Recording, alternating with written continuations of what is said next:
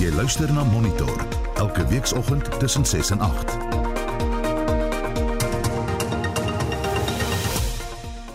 In die tweede helfte uh, uur van die program as jy pas by ons ingeskakel het, die energiereguleerder Nerse begin met provinsiale verhore om te bepaal hoeveel meer jy vir elektrisiteit sal moet betaal. Inwoners wat aan die oewer van die Vaalrivier woon, word aangemoedig om al samewerking te gee te midde van vrese vir uh, erge oorstromings. Werksamehede by die parlementsgebou hervat na die verwoestende brand sowat 2 weke gelede. Welkom by Monitor X Udo Karelse. Thank you.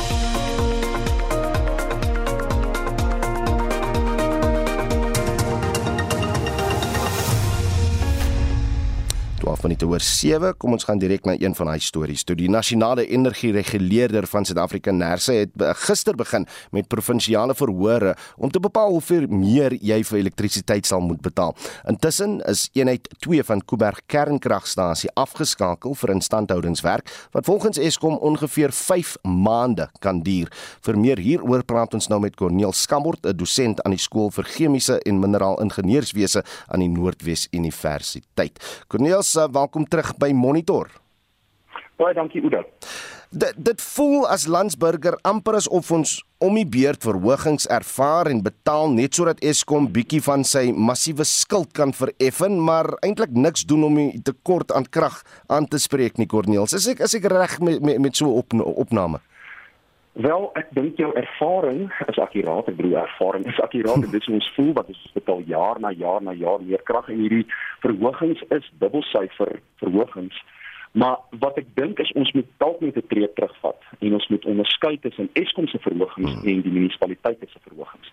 So ek dink daar's klaar 'n eenvoudige oplossing. Tans die bedrag wat ons as munisipale gebruikers betaal. Daardie formule wat gebruik word deur munisipaliteite is veronderstel om te wees die bedrag wat hulle betaal aan Eskom om krag te koop plus dan 'n redelike winsgrens en dan 'n koste vir die doeltred van 'n kraglewering. Hmm. Maar daai bedrag, soos ons weet, is soms tot dubbel soveel as wat 'n munisipaliteit krag aankoop by Eskom. So in die eerste plek het ek sommer 'n oplossing uit die staanspoor uit. Eskom kan dalk met 20% hulle krag verhoog, maar munisipaliteite is veronderstel om terug te gaan tekenbord toe en met 'n realistiese bedrag hulle verhogings te maak wat baie nader aan 'n 5% sal wees. Hmm. Want tans word die bedrag wat ons betaal as burgers vir elektrisiteit gebruik vir dinge wat absoluut niks met elektrisiteit uit te waai het nie. So kan Nersa hulle stem dik maak oor die eh, munisipaliteite en wat hulle doen.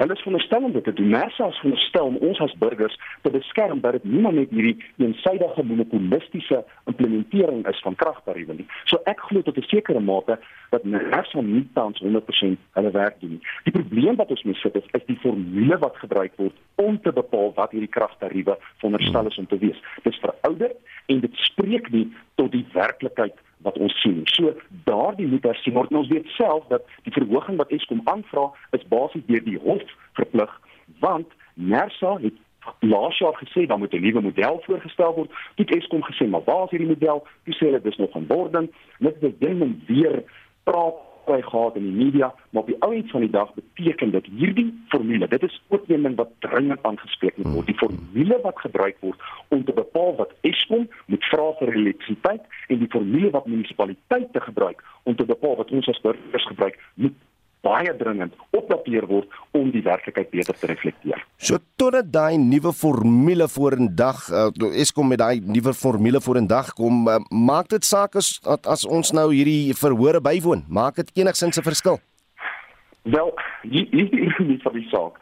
Sien nou ons verhogings is nie so hoog nie. Jy het self vroeër genoem Eskom sit met 'n massiewe skuldlas. Hmm. So wat gebeur dan wat die realiteit in Suid-Afrika? Daardie word dan weer die reddingsboeie wat die regering gesê het gaan nie meer betaal word nie, maar reddingsboeie word éventueel dan betaal en daar's 'n terugklou klousule wat Eskom het en daar is belastinggeld. So ek sit en dink gisterand of die tariewe hoër word om hierdie skuldlas te delf en of dit op die einde van die dag belastinggeld is wat gebruik word om dit aan te spreek. Daai geld kom uit een en dieselfde bron uit of ons gaan direk daarvoor betaal in die vorm van elektrisiteit of ons gaan indirek in elk geval daarvoor betaal in die vorm van belasting. Die een voel dalk net nie so aan jou sak soos die ander nie, maar albei kom uit uit die aard van die saak in dieselfde sak. Cornelius, ek ek weet Eskom is die, die woorde sal gebruik te groot om te faal. Maar maar moet daai regulasie nie verander nie, want wat jy nou al gehoor, maatskappy vaar sleg deur die hele jaar vir 5 jaar, 10 jaar in 'n ry en dan kan hulle dit maar net opmaak met belastinggeld as hulle nou 'n swak balansstaat het. Presies, ek dink jy jy spreek tot dit dit is nie meer 'n ekonomie, ons kort 'n vrye markstelsel. Dit is altyd goed om kompetisie te hê. En tans het ons nie daai kompetisie nie. Tans het ons die monopolie. So dis ongelukkig 'n situasie waar Eskom kan tegnies maak net wat hulle wil en op die einde van die dag ons as gebruikers het nie regtig 'n keuse nie. So wat wel gebeur is, wie wat dit kan bekostig, en dit is hoekom hierdie verhogings maak dit al hoe meer lonend vir individue om van die netwerk af te klim. Dalk nie ten volle nie, maar gedeeltelik ten einde hulle kragrekeninge minder te maak. En die probleem daarmee is soos meer en meer mense nie meer van Eskom afhanklik is nie, beteken dit 'n kleiner pool van individue moet nou die las dra en ongelukkig is dit eerder armer individue as ryker individue wat in daai kategorie val. So hier's bietjie van 'n spiraal wat nie in die regte rigting is nie. En solank as wat Eskom se tariewe met dubbelsyfers jaar na jaar gaan verhoog, is daardie realiteit iets wat ons nie gesag gaan moet staan. Reg, eenheid 2 by Kuiberg kernkragstasies nou afgeskakel. Hy gaan afwees vir die volgende 5 maande. Ehm um, is is beurtkrag onvermydelik aangesien van van hierdie instandhoudingswerk of of is ek nou net bietjie sinies? Nee, ek dink nie, ek slag nie sinies nie, Oudo. Ons is net realisties. Ek dink die die realiteit is is dat met eenheid 2 wat af is, is daar definitief 'n verhoogde risiko vir beurtkrag en dan net selfs eenheid 2 aanlyn het ons 'n risiko van beurtkrag. Dit is net 'n hoër risiko van beurtkrag en dit is 5 maande en sodra eenheid 2 ons ons hoop daar word nie oor die tydlyn gehardloop nie, maar sodra hy dan weer aanlyn is, dan word eenheid 1 afgesit en in beide gevalle sal dit om en by 1 gigawatt minder krag wees wat beskikbaar is en 1 gigawatt is gelyk aan 1 fase beurtkrag. Met ander woorde een van twee goeders. Of ons gaan meer gereeld beurtkrag kan sien as wat daar sou wees met eenheid 2 of eenheid 1 aanlyn. Om tweedens beteken dit dat die oop siklus gasturbines gaan meer gereeld in bedryf gestel moet word en dit beteken diesel, dit beteken duur elektrisiteit. Nou ek het gesien die kostes wat Eskom sê verbonde aan hierdie hele oefening om Kuiberg te verleng met 20 jaar is 20 miljard rand. Dit is direkte koste, 20 miljard rand. Maar die koste van die addisionele diesel, die koste wat dit indirek mag hê as ons meer beurtkrag gaan hê, dit beteken dat daai 20 miljard in totaliteit nader aan 40 of 50 miljard rand kan wees. Maar 'n interessante ding wat ek gesien het is en dit is wat nie altyd in in, in aggeneem word nie. Een of ander tyd gaan Kuiberg afgeskakel moet word. Hmm. En daai proses is 'n baie interessante proses. Dit gaan Eskom na raming tussen 40 en 60 miljard rand kos dan nou oor 20 jaar wat dit moet gebeur. In reële terme sal dit veel meer wees. En daardie proses, en dis iets wat mense wat voorstanders is van kernkrag nie altyd vir die publiek sê en in ag neem nie. Die proses om eendag vir Kuiberg totaal en al uit bedryf te stel. En dit gaan eendag moet gebeur. Hmm. Daardie proses met die beskikbare tegnologie wat ons tans het, 5 tot 6 dekades ten minste voordat daai Melkbosstrand area weer normaal sal wees soos wat ons dit geken het voor Kuiberg. Tyd het ons nou 'n bietjie ingehaal, maar dit was Corneel Skambort, 'n dosent aan die skool van eh, vir chemiese en mineraal ingenieurswese aan die Noordwes Universiteit. Bykans 20 minute oor 7. Ons gaan nou na die groot storie waaroor waaroor ons nou al heel oggend gesels. Die polisiebegroting gaan volgens berigte oor die volgende 3 jaar met 26 miljard rand gesny word. Vir sy mening oor die impak hiervan op die land en sy burgers, praat ons nou met die hoof van gemeenskapsveiligheid by Action Society, Ian Cameron. Eenmôre welkom by Monitor. Hoe sal die kleiner begroting die gehalte van polisieering beïnvloed? Goeiemôre, dankie Udo. Ek dink uh, ons het reeds 'n wesenlike tekort aan vaardighede in die polisie. Ons sit met 'n probleem dat vir die afgelope 15 tot 20 jaar is daar massas mense in uniforms ingedruk het om getalle bymekaar te kry, maar ongelukkig het ons nie gefokus op kwaliteit nie. Nou die uh gevolge daarvan is dat as ons gaan kyk na die VN uh standaard vir mense per polisiebeampte is dit veronderstel om hierso omtrent 1 beampte per 300 mense te wees. In Suid-Afrika tans kyk ons na 1 per omtrent 400 in sekere areas byvoorbeeld bende getuieerde gebiede in die land sit ons met 1 per 1000 mense. En uh, en dit word erger. So so ons sit met 'n wesenlike probleem oor hierdie uh, begroting wat wat so gesny gaan word. Ten spyte van die feit dat ons 'n tekort aan vaardighede het, beteken dit dat ons vir die volgende 3 jaar omtrent 24000 poste minder gaan hê op grondvlak dit terwyl die senior vlak polisiebeamptes, eh uh, generaals, brigadiers ensovoorts eh uh, dieselfde gaan bly en letterlik miljarde rande kos om eh uh, om aan die gang te hou en om salarisse te betaal terwyl baie van hulle nie op meriete aangestel is nie maar as gevolg van politieke uh uh verhoudinge wat hulle het met mense byvoorbeeld in die ANC. Ons praat al die oggend oor hoe, hoeveel meer geld ons moet bestee om na ons eie sekuriteit te kyk. Hoe hoe moet Suid-Afrikaners hierdie nuus interpreteer want want dit gaan ons teen die einde van die dag meer geld kos.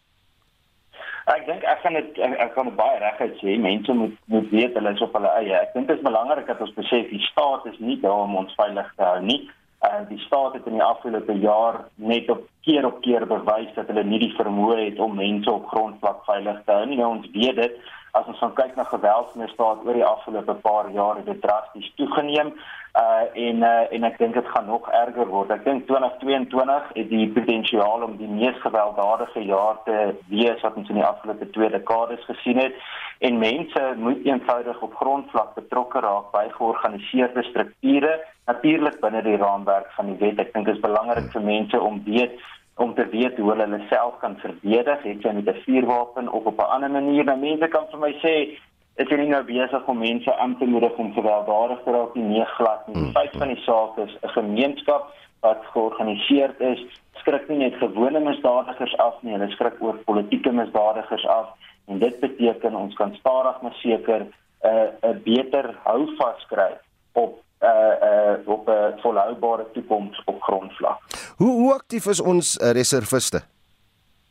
Glad nie aktief nie. Ek dink ons staan op uh, ongeveer 10000 reserviste wat aktief is in die land op die oomblik. Vir konteks gee, Bekkie Cele toe hy die nasionale kommissaris was van polisie rondom die FIFA Wêreldbeker is daar baie mense in uniforms ingedruk weer eens net om getalle by te bring. Baie soos wat Jackie Celebi destyds gedoen het. En reserviste was toe ook nou so vinnig as moontlik bymekaar gemaak. Nou ons het sedert omtrent 2011 2012 het ons omtrent 60 70000 reserviste verloor wat nie meer kan werk nie. En as jy met reserviste praat wat nog steeds beskikbaar is en wat kan werk sê hulle vir jou daar's nie vuurwapens vir hulle nie, daar's nie ammunisie vir hulle nie, daar's nie voertuie vir hulle nie. So ons sit in die hele land met omtrent 10000 reserviste. En ek dink so daaraan Oude, as ons daai 80 90000 reserviste ongehad het, uh wat 'n uh, wesenlike impak gemaak het met baie baie lae koste vir die staat, hmm. dan kan ons ons misdaad beter bekamp. So dit kan 'n wesenlike impak maak. Ek dink natuurlik is belangrik dat ons net vaskyk in die SAPS vir die oplossing met wetstoepassing nie. Ek dink ons moet begin kyk na 'n federale struktuur, dis nou buite gemeenskapsstrukture om te kyk hoe ons op munisipale en selfs provinsiale vlak kan kyk hoe ons daai polisieeringsstelsels kan benut om vir gemeenskappe meer van 'n statutêre vermoë te gee soos 'n reservistelsel wat ons wil sien onder verkeerspolisie, metropolisie ensovoorts. So so wat gebeur nou tans in die agtergrond saam met 'n uh, gemeenskapsveiligheidsorganisasie soos Action Society. Is daar nou samewerking reg oor die land of hoe is daar potensiaal daarvoor? Ons het tot dusver, ons is nog ons is nog 'n uh, uh, nie op die blok, maar hmm. ons het tot dusver gehelp van Julie verlede jaar af om eintlik net te adviseer hoe gemeenskappe mag organiseer binne die raamwerk van die wet. Ons fokus veral baie sterk op geslagsgebaseerde geweld en ons wil seker maak ons help organiseer in terme van dit. Maar ek dink die die groot beginsel is mense mag organiseer. Daar's baie ruimte binne die raamwerk van die wet vir hulle om te organiseer. Daar's dikwels 'n wanpersepsie dat jy baie gemeenskapspolisieering forum moet registreer of deel daarvan moet wees. Dit is nie so nie, alhoewel ons dit aanmoedig dat ons al daai remedies moet uitput en dat al hierdie strukture saam om 'n tafel kan sit en as 'n GPF die manier is om te doen, dan is dit goed so. Maar op hierdie manier kan ons 'n gesamentlike poging aanwend met enige organisasies op grondvlak om 'n uh, 'n uh, sterk poging aan te wend om misdaad te bekamp. Dit gee ook vir ons 'n uh, manier om 'n bietjie van 'n oorsig oor die polisie te hê. En ek dit hmm. dit is nie op 'n meerderwaardige manier nie. Al wat ek sê is dis belangrik dat die gemeenskap 'n uh, manier het of 'n remedie het waarmee hulle die polisie aanspreeklik kan hou vir uitdagings wat die gemeenskap aanvaar en waar die polisie dan nou regverdige en 'n regverdige geleentheid vir terugvoer kan kan kry. So uh natuurlik sê ons mense moet betrokke raak by amptelike strukture, maar ek dink vir die begin is dit hmm. baie belangrik dat gemeenskappe hulle eie kommunikasiestelsels aan die gang kry. Hulle moet seker maak hulle begin patrolleer en dat hulle verder organiseer binne die raamwerk van die wet om misdaad te voorkom. Dit was Ian Cameron, die hoof van gemeenskapsveiligheid by Action Society. Jy luister na Monitor elke weekoggend tussen 6 en 8. Byna 7:30 en in die nuus. 'n Britse vrou is dood in Tonga toe sy probeer het om haar honde van 'n tsunami te red. Ons praat klassieke motors met professor Jannie Rousseau en Shaun Jooste het die jongste sportnuus. Bly by ons ingeskakel hier op Monitor.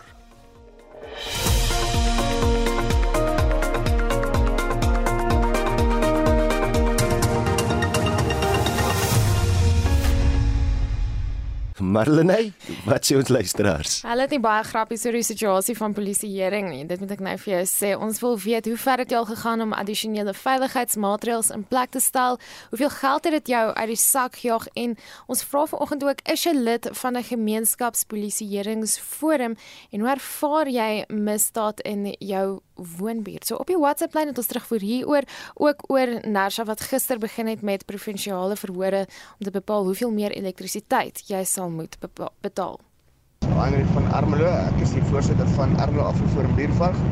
Ehm um, ek moet sê ons werk baie lekker saam met die polisie. Die polisie help ons baie, ons help hulle baie. Ehm um, gemeenskap kyk na mekaar. Ons het 'n uh, 'n uh, sekuriteitsmaatskappy in Ermelo Aksu. Hulle hulle help ons baie. Ons net hulle dankbaar wees. So as ons enige inbrake het of so, dan is hulle van hulp vir ons. So ons is, ons is baie baie dankbaar daarvoor. Ons moet sê van aan die buurtwag begin het, het ons van 107 inbrake in 'n maand afgegaan na 0 toe. En dit kos die ouens se jaarlikse klein voetjie net om ons aan die gang te hou. Dis al. Ek sal graag wil weet wat sal die gevolge wees indien almal in Suid-Afrika vir krag betaal het, ongeag munisipale of direk van Eskom af en of daar dan nog steeds 'n probleem sou wees. Dis anders as ek wil praat. Hierdie ding van elektrisiteit is die munisipaliteite moet hulle rekenings begin betaal. Dan het Eskom nie daai groot geweldige las nie. Die munisipaliteite is skuldig aan hierdie ding. Hierdie munisipaliteite moet hulle skuld betaal, finies en klaar. Dis wat hulle moet doen. Nerse moet toesien dat dit gebeur. Baie dankie, groetnis daar. Dan skryf nog iemand op die SMS lyn dit help nie ons betaal meer vir elektrisiteit nie, die munisipaliteit betaal dit nie aan Eskom nie. So al wie voordeel trek hier is die munisipaliteit. En dan nog 'n SMS vraag of eerder 'n SMS vir die luisteraars vraag. Goeiemôre, ons het twee veiligheidsheining met kragalarms gekoppel aan ons solar panel en raai wat? Daar was houtmikke onder aan die heininge gedruk en hulle het op die manier drie eislike panele losgekry en onder die heininge deurgesleep. Ons kinders in die dorp se veiligheidsligte is nou eendag gesteel.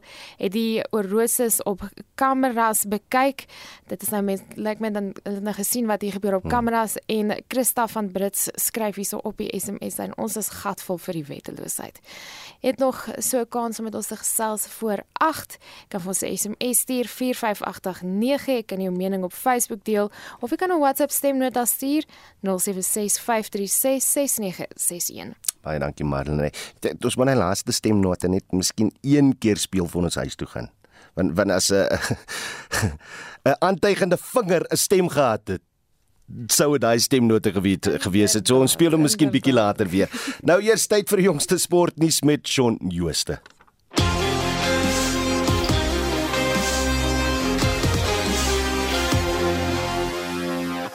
Dinsdagoggend en ons fokus weer op van die jongste ranglyste en puntelede en begin met cricket.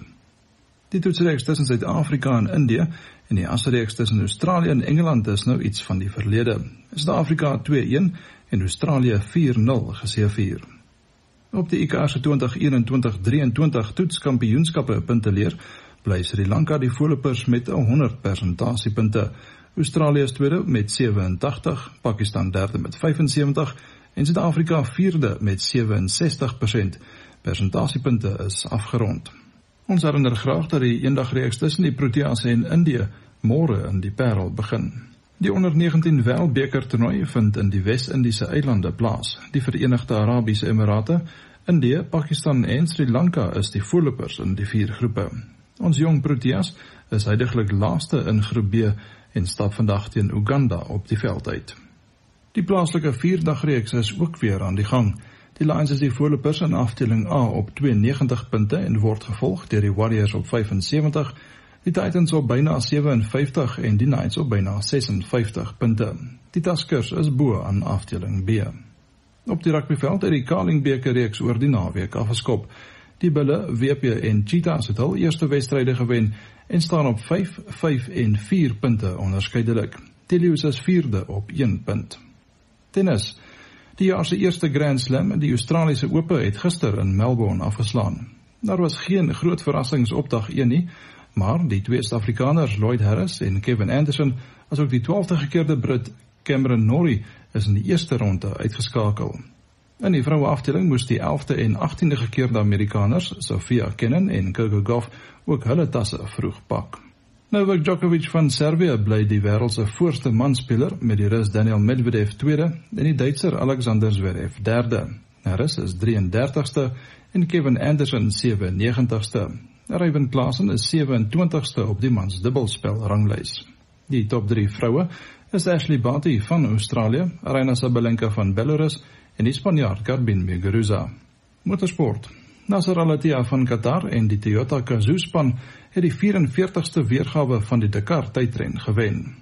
Dit is Toyota Gazoo se tweede oorwinning terwyl Al-Attiyah sy vierde Dakar titel verower het. Die Fransman Sebastian Loeb was byna 28 minute terug in die tweede plek met die plaaslike Yazid Al-Raji meer as 'n uur terug in die derde plek. Suid-Afrika se Janiel De Villiers het algeheel 6ste geëindig. Sokker. Die Afrika Nasies beker toernooi is in Kameroen aan die gang. Daar is nog net een ronde oor voor ons by die uitklopfase kom. Kameroen en Burkina Faso is reeds deur na die volgende ronde. Senegal, Marokko, Nigerië, Ivoorkus en Gambia is die ander groep voorlopers. In die Engelse Premier League is Manchester City op 56, Liverpool op 45, Chelsea op 43 en West Ham United op 37 punte die top 4 spanne na 22 wedstryde. Liverpool het 21 wedstryde voltooi.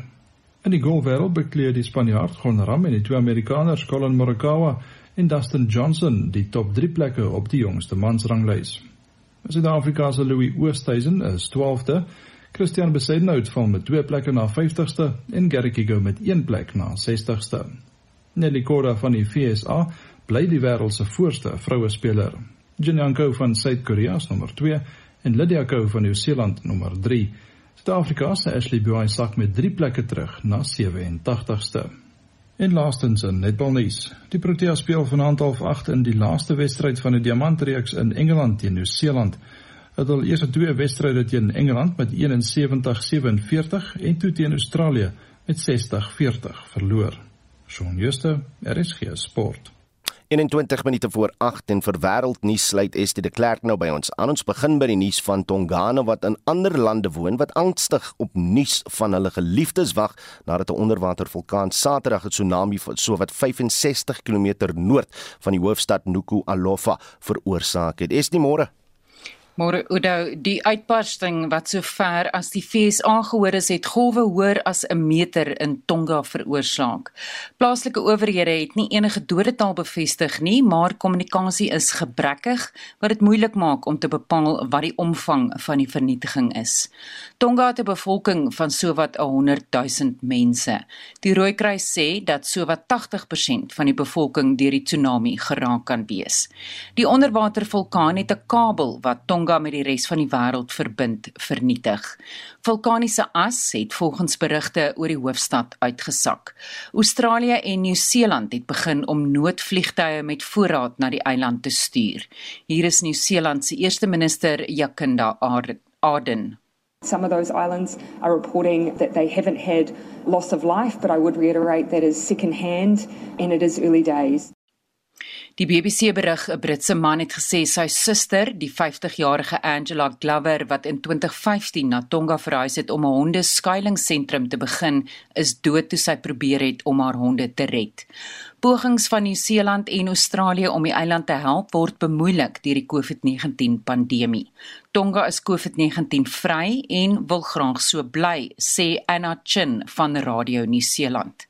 They have had disasters during the pandemic previously uh, from sort of cyclones and hurricanes and what they did then was just airdrop supplies in and there was no physical contact or interaction between say troops and the local forces. Joanne Matiele is van Tonga en woon nou in Melbourne, Australië en sy sê sy kon nog glad nie met haar familie in verbinding tree nie. Unfortunately, at this point in time, would um, I just have to wait and sit tight. But I do know of some people that have been in contact with their family members back home via satellite phones. I think only a couple of people have access to these phones. So we're just sitting tight and waiting is pretty much what we can do right now. Dit was Joanne Matele wat in Tonga groot geword het en wat nou in Melbourne in Australië woon. En dan praat ons nog steeds oor Novak Djokovic. Hy het nou in Servië aangekom nadat hy uit Australië gedeporteer is omdat hy nie ingeënt was nie. Uh, uh, wat's nou die jongste daar? Udo, volgens Australië se immigrasiewette mag 'n visum nie weer aan Djokovic uitgereik word binne die volgende 3 jaar nie. Maar Australië se eerste minister, Scott Morrison, het gesê hy kan moontlik vroeër in die land toegelaat word onder die regte omstandighede. Vra word ook nou gevra oor Djokovic se deelname aan die Franse Ope, die volgende Grand Slam toernooi op die tenniskalender. Die Franse parlement het pas sy finale goedkeuring gegee aan 'n wet wat vereis dat almal ouer as 16 jaar 'n sertifikaat van inenting moet toon om in openbare plekke te wees en dit sluit sportstadions in. Frankryk se departement van sport het gister gesê geen vrywaring sal gegee word op die maatreëls nie ook nie aan professionele sportspelers nie. Maar 'n woordvoerder het gesê die situasie kan moontlik verander voordat die Franse Ope in Mei vanjaar plaasvind. Baie interessante situasie. Dit was Estie met 'n kort oorsig oor wêreldnuus gebeure. Die Cape 1000, Suid-Afrika se eie Mille Miglia styl klassieke motortydren, vind vanaf 8 tot 13 Maart in die Weskaap plaas. Inskrywing sluit 24 Januarie. Vir meer oor die gebeure praat ons nou met Hannes Oosthuizen, bestuurder van verbruikers uh, ervaring by cars.co.za. Uh, Hannes, môre welkom by Monitor. Wat behels die Cape 1000 tydren? Goeiemôre, dankie vir die geleentheid. Ehm um, Dit is soos jy sê, dit is 'n holdeblyk aan die Millimeglia in wat van 1927 tot 1957 in Italië gehou is. En sedertdien is daar hierdie holdeblyk renne uh aan die Millimeglia reg oor die wêreld en nou ook vir die eerste keer in Suid-Afrika en jy weet die die Millimeglia was wyd beskryf as die mooiste ren in die wêreld en uh, ons dink daar is nie 'n beter plek om dit te doen in Suid-Afrika as in die Weskaap nie. Ek ek wou nou net gevra hoekom jy is die Weskaap, maar jy het nou daai vraag beantwoord. Sê my watter tipe motors uh, gaan deelneem? Jong, dis 'n baie verskeidenheid. So daar's vier kategorieë. Dit is van 1927 tot 1957 en dit is vir die motors wat aan die oorspronklike Millimeglia sou kon deelneem. En dan is daar ook 'n uh, voor 1976 klassieke kategorie en dan in 1977 tot 1996 modern classic kategorie. So daar kan jy byvoorbeeld uh, jy weet Ferrari is feesters en seker tipe van motors sien, ikoniese motors. En dan wat vir moderne sportmotors 1997 tot 2021 waar die nuutste Lamborghinis en so aan ook kan deelneem. So ons soek na 'n verskeidenheid, maar die fokus val definitief op daai daai tribute, daai holdeblyk kategorie en daai classic kategorie voor 1976. Hoe hoeveel van hierdie karre is daar in Suid-Afrika? Hoeveel van hierdie liefhebbers is daar in Suid-Afrika?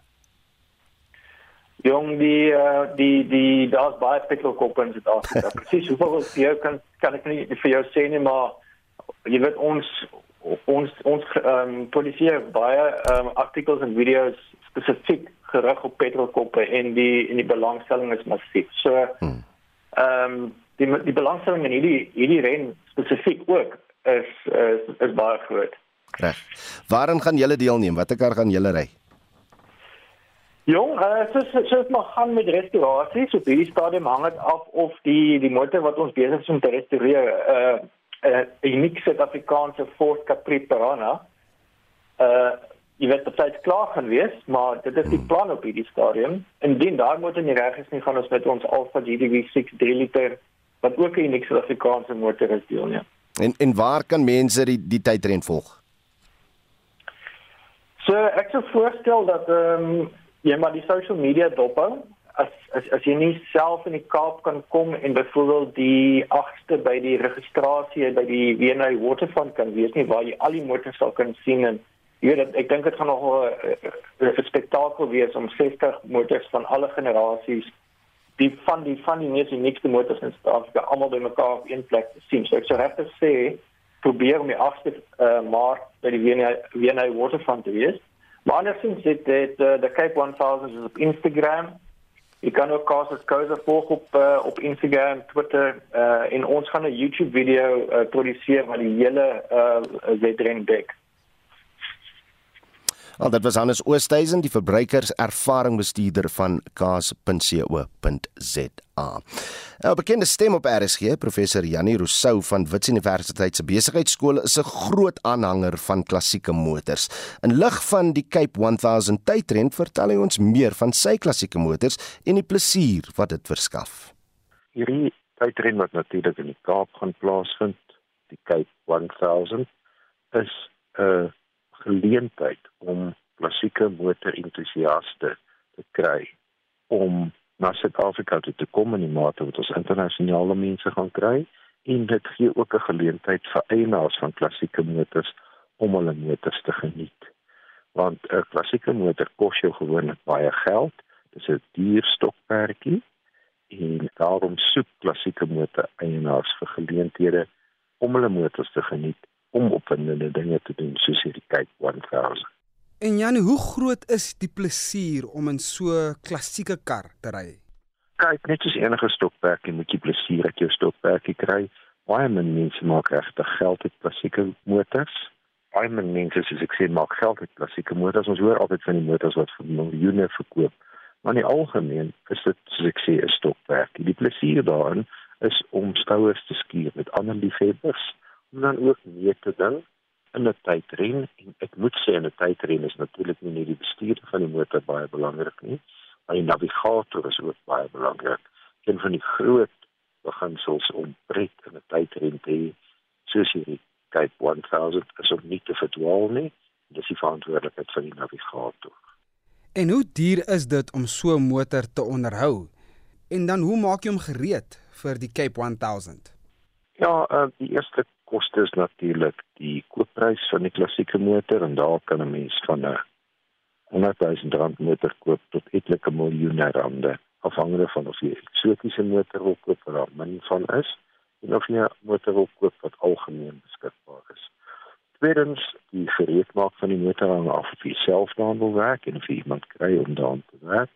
Maar of jy ook of jy self daaraan werk en iemand kry om daaraan te werk, moet jy seker maak dat die motor se onderhoud op so 'n vlak is dat jy 1000 myl so wat 1600 km wat op kan ry sonder dat hy gaan breek of sonder dat hy gaan staan. Want as jy op so 'n uitstapie met jou motor is, is dit natuurlik nie lekker as jou motor breek nie. Dit is nie lekker as jy dit nie kan voltooi nie. Janie sê bietjie vir ons luisteraars watter mooi klassieke karre het jy daar in jou besit? Op die oomblik het ek 1973 MGB GT outomaties. Dit is 'n baie skaars motor, daar's net 1000 van hulle gemaak. En dan het ek ook in 1982 280 SL afstandkap Mercedes wat ek baie van hou. Die Mercedes is 'n baie lekker motor. Jy moet onthou baie van die ouer motors het nie basiese toerusting wat ons vandag aan gewoond is, soos 'n kragstuur en 'n lugversorger en so meer nie hierdie 1982 Mercedes van my het reeds 'n kragstuur, reeds 'n lugversorger wat dit ook 'n gemakliker motor maak om mee te ry. Party van hierdie ouer motors is regtig nie so gemaklik om mee te ry, byvoorbeeld oor 'n lang afstand soos die Cape 1000 nie. En dit was professor Janie Rousseau van Wits Universiteit se besigheidskool uit met Vincent Mofokeng gepraat. Kom ons word vir oulas net so weer bietjie ernstig vir ons uh, agter reis toe gaan. Die Wêreldekonomiese Forum hou later die week vir die tweede agter die volgende jaar 'n virtuele byeenkoms in Davos, Switserland. Marlenae Forsie het meer. Die tema vir vanjaar is die toestand van die wêreld. Die WEF se hoof van Afrika, Chido Munyati, sê presidente, ministers, sakeleiers, internasionale organisasies en groepe in die burgerlike samelewing sal hul insigte en planne oor die mees dringende internasionale kwessies deel. If we fail to vaccinate every person, we give rise to new variants that spread across borders and bring daily life and economies to a grinding halt. And if she failed to provide debt relief and financing to developing countries, we create a lopsided recovery that can send an interconnected global economy into a tailspin. If we fail to reduce inequalities, we weigh down economic progress for all people in all countries. And if we fail to match climate rhetoric with climate actions, we condemn ourselves to a hotter, more volatile hearse with worsening disasters and mass displacement. Volgens die Wêreldrisikoverslag vir 2022 is COVID-19 slegs een van die uiters belangrike internasionale uitdagings wat onhanteerbaar kan word mits wêreldleiers proaktiewe samewerking prioritiseer. Die belangrikste punt op die agenda vir die week is die kwessie van enstofgelykheid. The world is marching down a path laden with enormous risks. And we cannot afford this kind of instability. To chart a new course, we need all hands on deck, especially all of you in the global business community. And uh, I have a number of asks. As you meet, discuss, and deliberate the prospects for recovery and economic rebound this coming year, I urge you to focus on three urgent areas. We need the support, the ideas, the financing, and the voice of the global business community. We cannot afford to replicate the inequalities and injustice that continue condemning tens of millions of people to lives of want, poverty, and poor health. And we cannot continue building walls between the haves and the haves nots. We need to come together across countries and across sectors to support those that need the most help. Verskeie inisiatiewe sal ook tydens die byeenkoms bekend gestel word, soos om ekonomiese geleenthede te verseker, die gaping in die vervaardiging van enstof te oorbrug en data-oplossings om voor te berei vir die volgende pandemie. Die verslag deur Notando Magudulela in Johannesburg, Marlene Forsie is ikonies. Vir die laaste keer op monitor vanoggend, wat het die luisteraars te sê, Marlene? Alsabe stuur 'n WhatsApp waarin sy sê as die bevolking nou alles vir hulle self moet doen soos beveiliging, krag, dorpe bestuur en regmaak wat gebreek is, het ons mos nou nie meer 'n regering nodig nie. En dan sien van die ander stemnotas wat ons op WhatsApp ontvang het. In Santa Cruz, die polisie, jy gaan na die polisiestasie toe. Die stasie is dood. Maar hy sit binne die lokasie, hy's dood, hy's dood. Jy die wenne staan daar. Maar jy kry nie 'n polisie man nie. Ek het een naad dus is op pad die kry want dit net huis toe.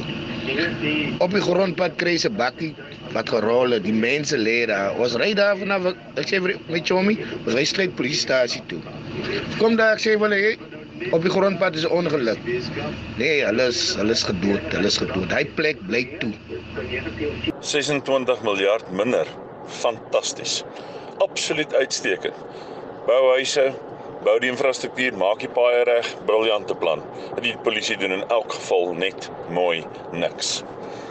Daar is nie iets sigbare polisieering nie. Dis by die deur uit. Wonderlikste nuus wat ek vandag nog gehoor het. 26 miljard minder om te blaas op iets wat hulle in elk geval nie doen nie. Fenominale nuus. Fantasties. Wonderlik. Goeiemôre, dis Obriso. Ek dink dit sal 'n baie beter proposisie wees vir alle betalende mense as ons almal direk aan Eskom ons gelde betaal en skakel die munisipaliteit skoon uit wat die geld net waar dit gesteel word. Laat ons direk aan Eskom betaal as die probleem heeltemal verwyder word.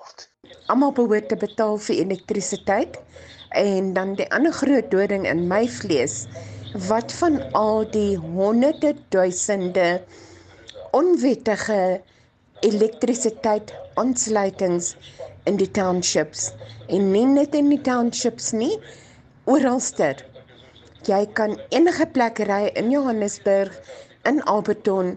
Daar is oralster, oralster onwettige aansluitings. Raak ontslaaf van dit en ek is seker krag sal bespaar word. Naam is Susan en ek is in Alberton. Baie dankie dat jy saamgesels het môreoggend maak ons weer so. En ek sien op die SMS lyn 'n paar van julle wil weet wanneer is Anita Visser weer terug? Wel haar eerste program vir 2022 is bietjie van 'n drumroll hierdie Vrydag. Kan nie wag nie. Uh ons groet namens ons uitvoerende regisseur Nicoline de Wee, die redakteur vanoggend Joan Marie Verhoef en ons produksieregisseur Johan Pieterse. Tot môre toe. Ek's Oudou Karelse. Totsiens.